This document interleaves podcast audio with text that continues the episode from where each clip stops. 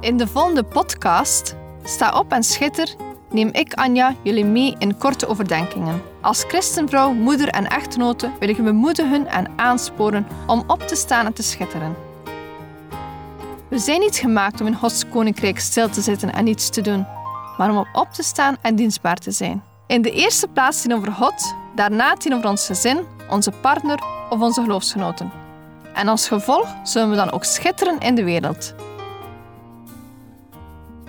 Neem je Bijbel bij de hand, want zonder Bijbel zijn we als een kok zonder eten of een zanger zonder stem. Dus luister naar, sta op en schitter.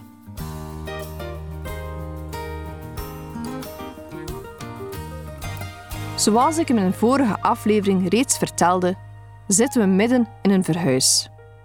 Dozen worden gevuld met spullen en worden naar onze nieuwe woning vervoerd. Tijdens het inpakken kwam ik fotoalbums tegen en nam even de tijd om te bladeren in de albums van vorige vakanties. Prachtige herinneringen kwamen naar boven.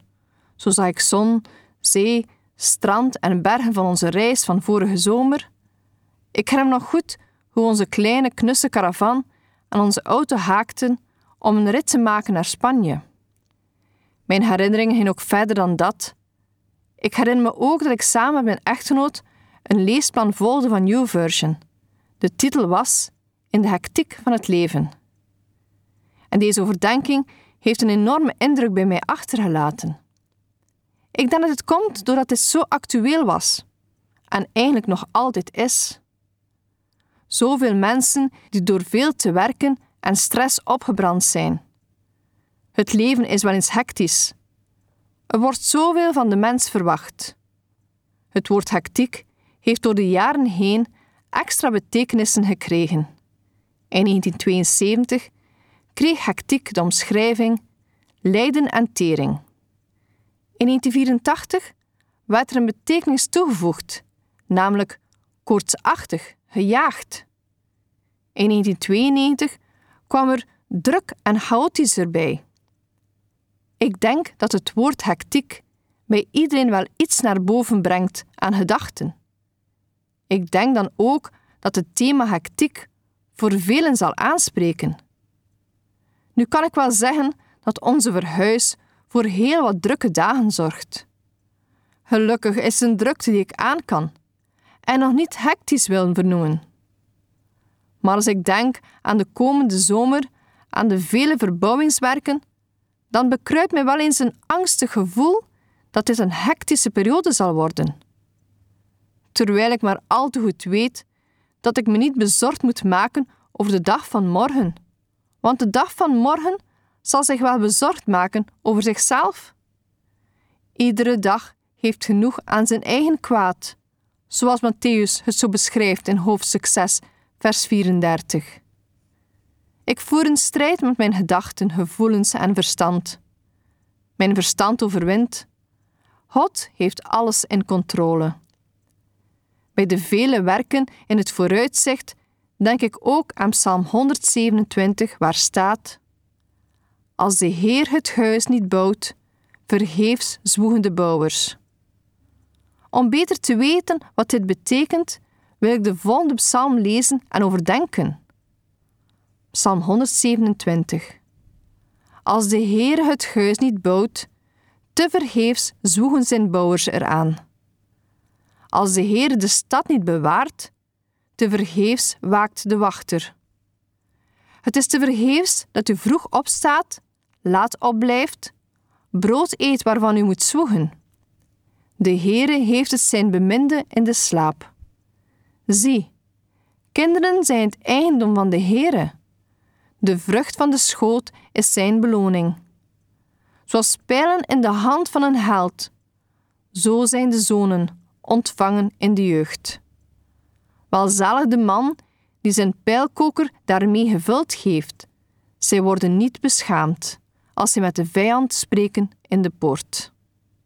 Het is een pelgrimslied, geschreven door Salomo. Salomo beschrijft hoe de pelgrims zijn aangekomen en nadenken over wat hen te wachten staat. Huizen bouwen, de stad bewaken, hard werken en kinderen krijgen. Ze stellen zichzelf waarschijnlijk de vragen: Waar zijn we nu mee bezig en hoe gaan we het allemaal doen? Voor mij is het zeer herkenbaar. Er is één woord die er voor mij uitspringt in deze psalm, namelijk te vergeefs. Andere betekenissen van te vergeefs zijn zonder resultaat, ledig, nutteloos, zinloos. Of wat denk je van het woord onvruchtbaar? Zelfs een huis en een gezin opbouwen zonder God is nutteloos. Want hoe ijverig we ons ook inspannen, je menselijke inspanningen zijn beperkt zonder de steun van God. We moeten God betrekken in ons volledige leven. Als het nu gaat om een huis bouwen of kinderen opvoeden, zonder God is alles zinloos. Zijn betrokkenheid, zegen en dit in combinatie met onze eigen arbeid is nuttig en zinvol.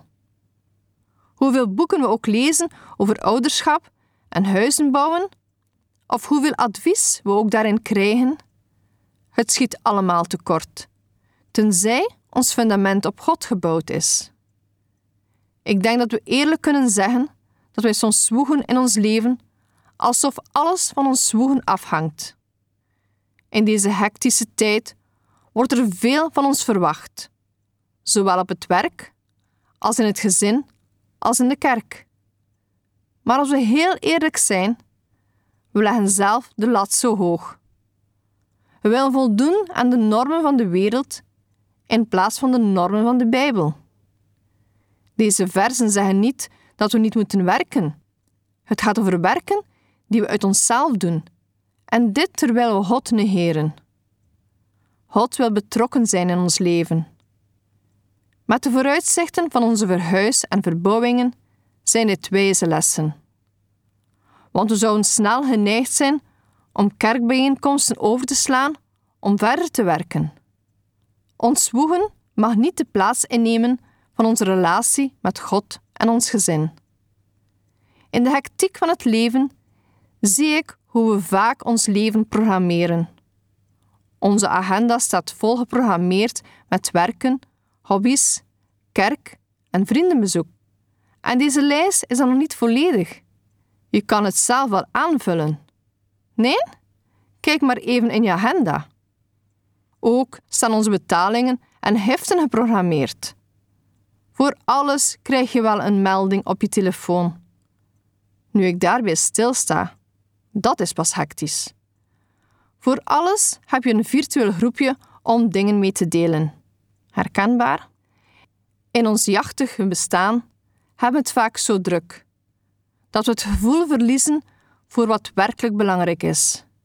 Ja, doordat we zo hectisch geprogrammeerd staan, hebben we vaak geen tijd meer voor het onverwachte van God.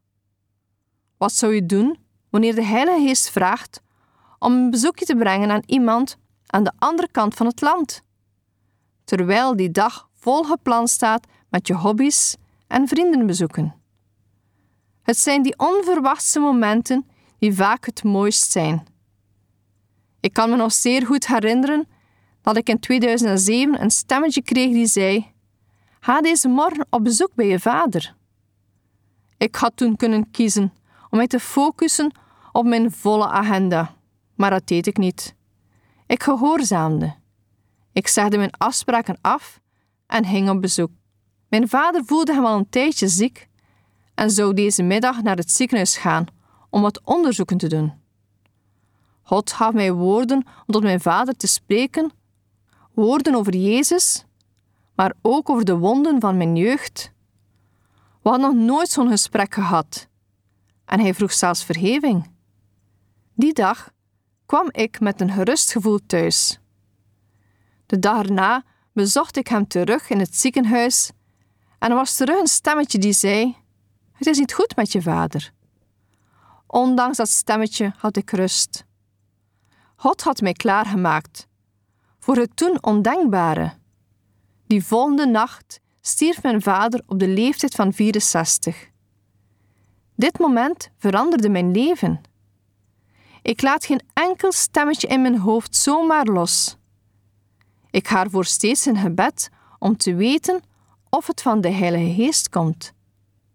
Laat je leven niet vullen met een vol programma. Van de ene op de andere dag kan het leven gedaan zijn. We mogen goed stilstaan bij het invullen van onze agenda. Wat staat prioritair? Wat wil God dat je doet met je leven? De mens is een kuddedier. We gaan zo snel mee met de wereldse normen. We willen de standaard verkrijgen van onze buren of vrienden. Kuddegedrag is zo gemakkelijk. Je volgt een leider en je moet weinig nadenken. Je kan op allerlei vlakken een kuddedier zijn. Elk seizoen is er een nieuwe mode van kleren. De mode-industrie bepaalt wat voor kleren er dit jaar in zijn. Welke stof, model tot kleuren worden door hen bepaald. Ga jij daarin mee? Wat met reclamefolders? Kun je de verleiding weerstaan? Stel jezelf de grote vraag: Ben je slaaf van je omgevingsfactoren of volg je God? We mogen erbij stilstaan dat we allemaal kuddedieren zijn. Maar welke leider volgen we? We mogen kuddedieren zijn als het gaat over het volgen van Jezus, onze herder. In Psalm 23 wordt ook gesproken van onze herder. Daar staat: De Heere is mijn herder, mij ontbreekt niets. Hij doet mij neerliggen in grazige weiden. Hij leidt mij zachtjes naar stille wateren. Hij verkwikt mijn ziel.